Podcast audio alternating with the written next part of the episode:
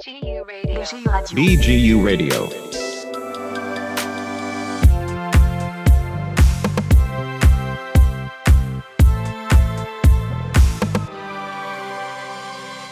ברוכים הבאים וברוכות הבאות לסדרת הפודקאסטים החדשה של המחלקה לפוליטיקה וממשל באוניברסיטת בן גוריון בנגב. בכל תוכנית נארח מומחה מתחום אחר וננסה להבין את השפעות מגפת הקורונה קצת מעבר לבנאלי. על בריאות, חברה, פוליטיקה ומה שביניהן.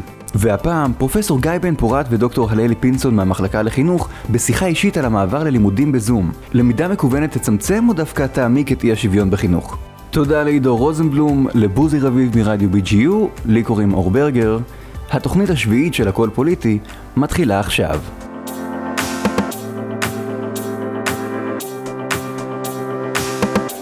יש רושם, שנכנס לסיפור הזה ממש ממש עכשיו, כמוני, מין סוג של uh, מעבדה בחינוך.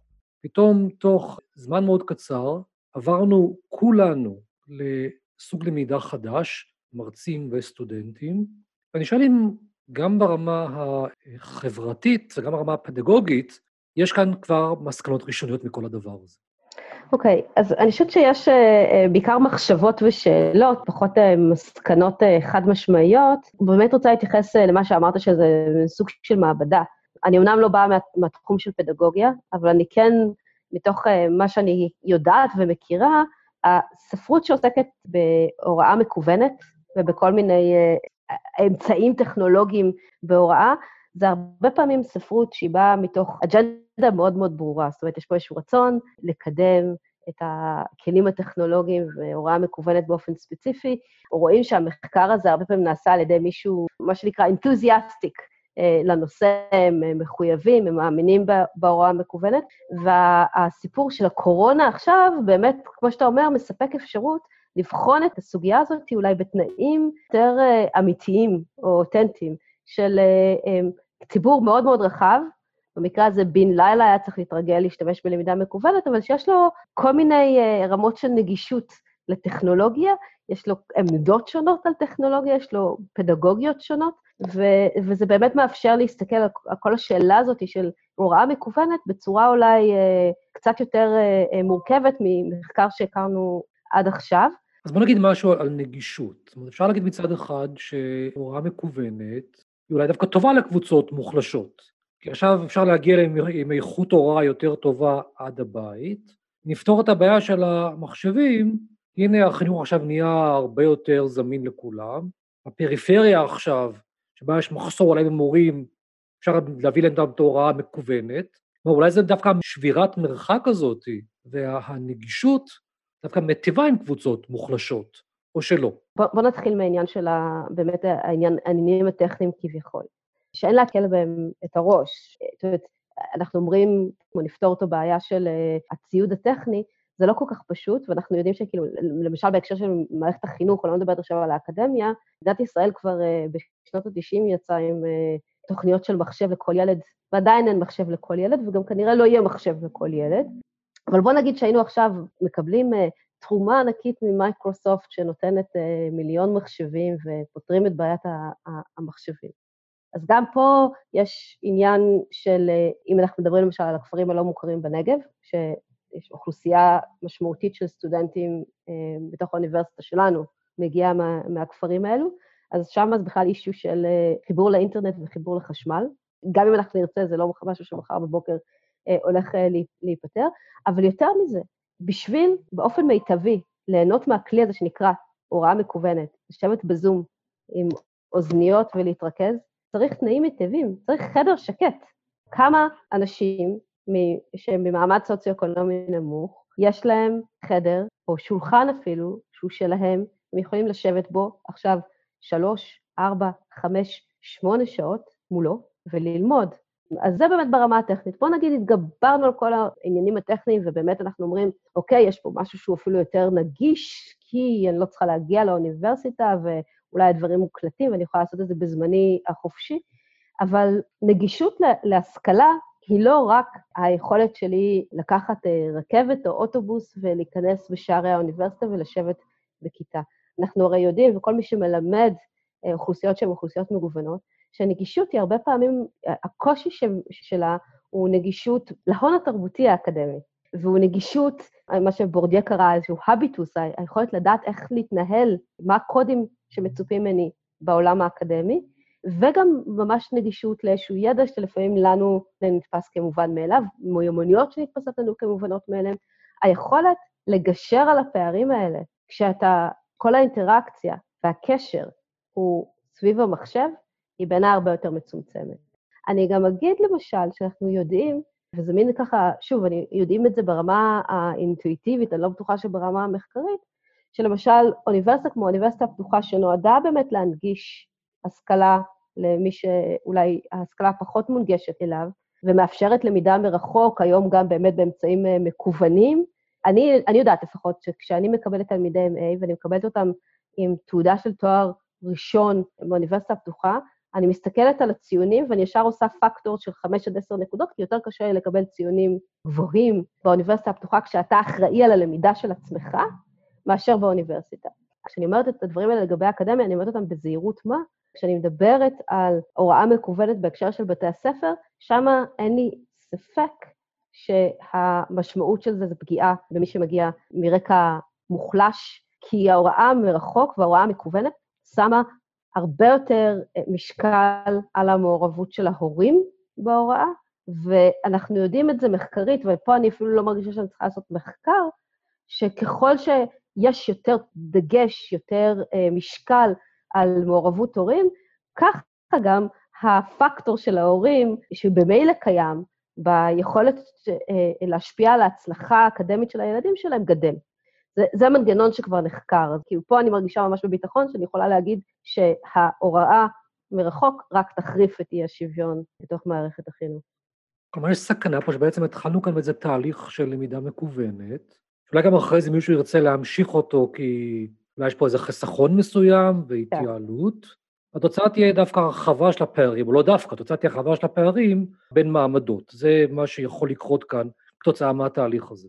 אני חושבת שלחלוטין זו סכנה שקיימת, ובלי להיכנס גם למשמעויות אחרות של מעבר להוראה מקוונת, אין ספק שיש פה איזשהו, כל מיני גופים שינסו לנצל את ההזדמנות שנקרתה סביב אה, משבר הקורונה בשביל, אני לא חושבת להחליף לחלוטין את ההוראה באוניברסיטאות בהוראה מקוונת, אבל כן להכניס את זה כאיזשהו אלמנט בתוך ההוראה כפי שאנחנו מכירים אותה. אני רואה כאן מצב שבו אה, מישהו אומר דבר כזה. בוא ניקח עכשיו איזושהי מורה שהיא כוכבת, ניתן לה להקליט שיעורים בתחום מסוים, בתיכון או באוניברסיטה.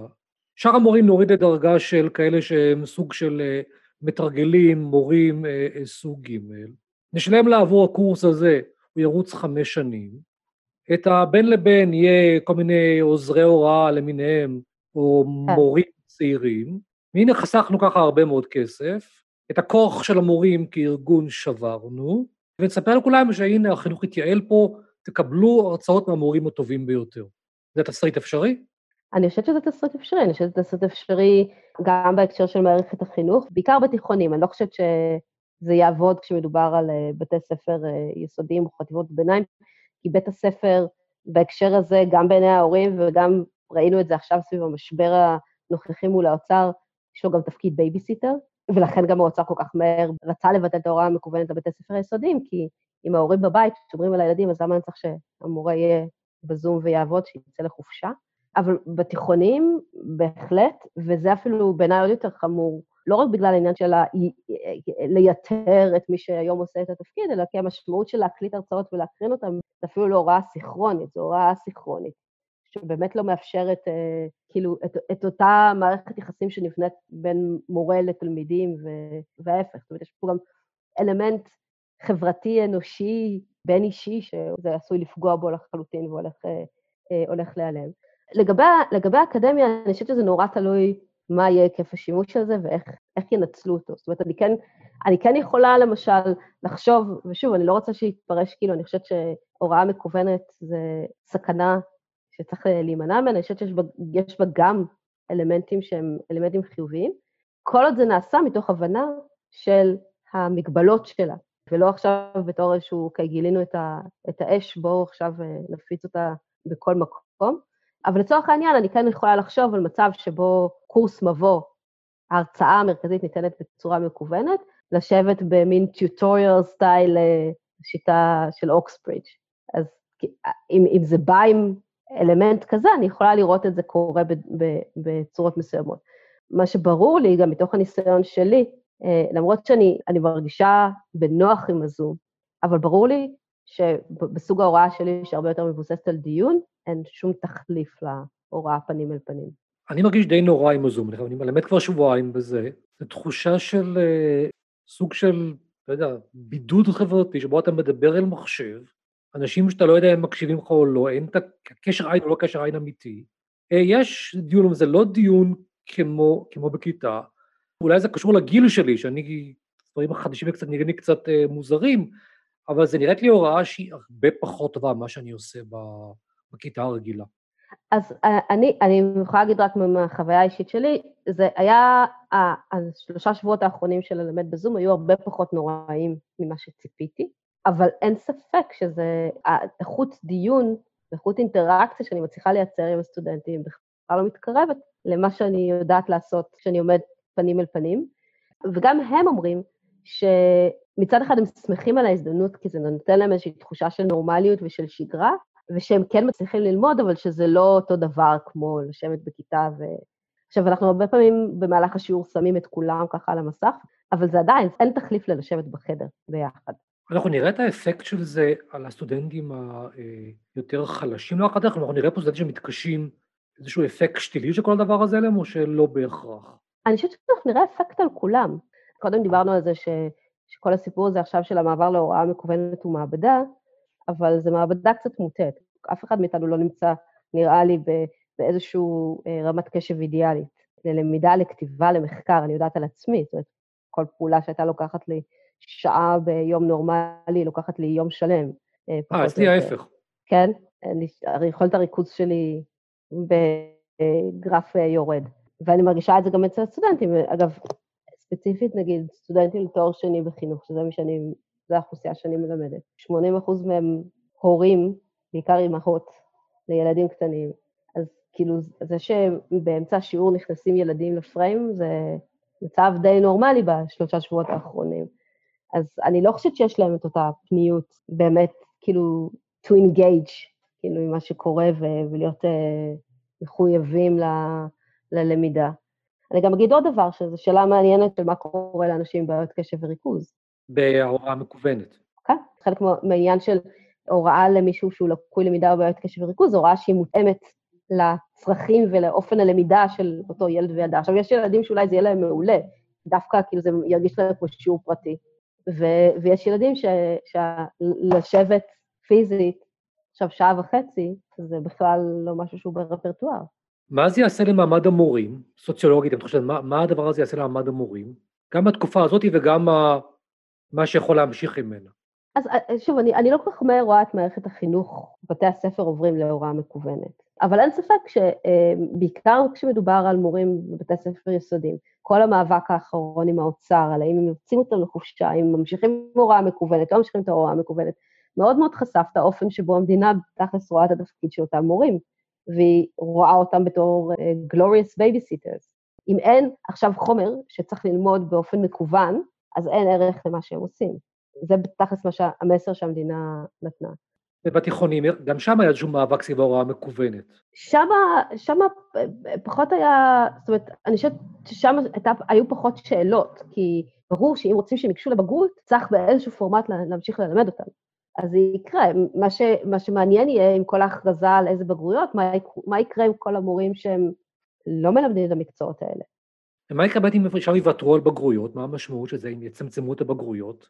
כרגע אני לא בדיוק רואה שיש לזה השלכה יוצאת דופן, כי האוניברסיטה, מה יכולה להיות ההשלכה? ההשלכה הייתה יכולה להיות ברישום לאוניברסיטאות, אבל זה משהו שנעשה בהסכמה עם האוניברסיטאות.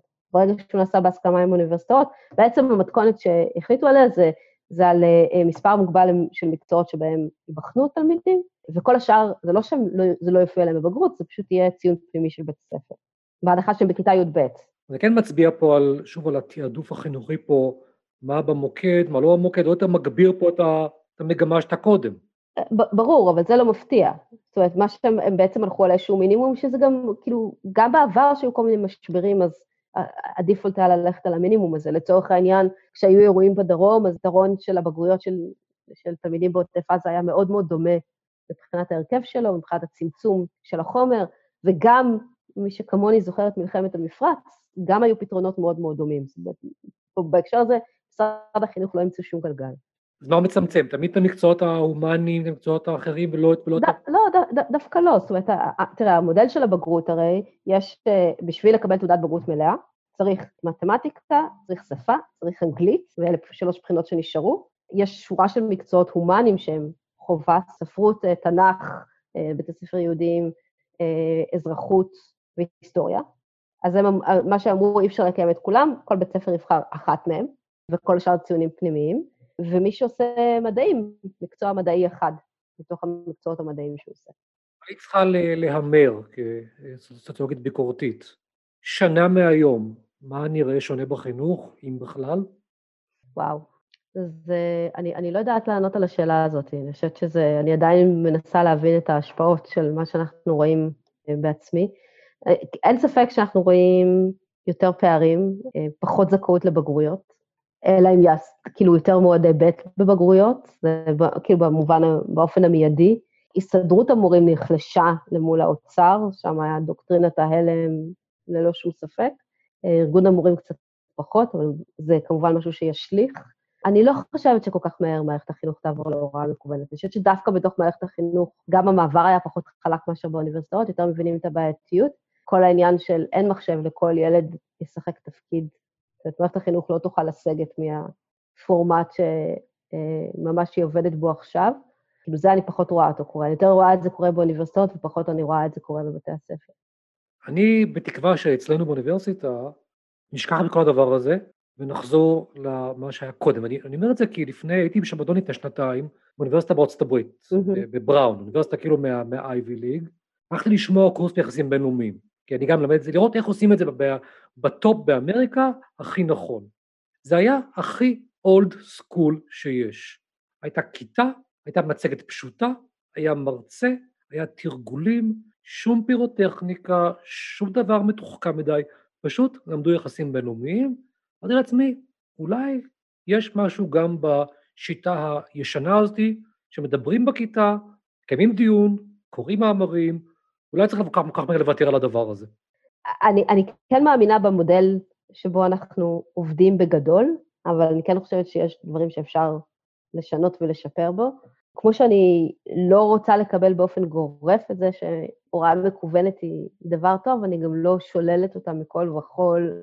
אני כן יכולה לראות גם את היתרונות שיש במודל הזה, כשהוא מגיע בצורה מאוזנת. זה לא לעשות כמו שאנחנו עשינו עכשיו, של לעבור מהוראה פורמטים שאנחנו רגילים אליו, ללמד את הכל בצורה מקוונת, אה, סיכרונית או אסינכרונית. במובן הזה, זה, זה ברור, ברור שזה היה עכשיו צעד חירום, שבכל מקרה, זה לא, זה לא הולך להישאר ככה. אבל זה כן מזמן אפשרות לחשוב על הזדמנויות שהפורמט הזה כן מאפשר, מתוך הבנה של החסרונות וה, וה, והיתרונות שלו. נראה לי שזה הולך להיות איזשהו defining moment של התקופה שאנחנו חיים בה. בהרבה מאוד מובנים חברתית, כלכלית, פוליטית וחינוכית. לא בטוחה שאני יודעת להגיד. מה זה? זכינו? זכינו. אולי. אני לא בטוחה שאני יודעת להגיד בדיוק מה היו האימפליקציות של זה, אבל uh, יכול להיות, תראה, מדברים כבר הרבה מאוד זמן על העניין של בית הספר במאה ה-21 לא יכול לראות כמו בית הספר במאה ה-20 וה-19. ויכול להיות שזה כן יאיץ תהליכים של שינוי במה שאנחנו קוראים לו בית ספר, או מה שאנחנו קוראים לו למידה. תודה רבה. בבקשה. BGU Radio. BGU Radio.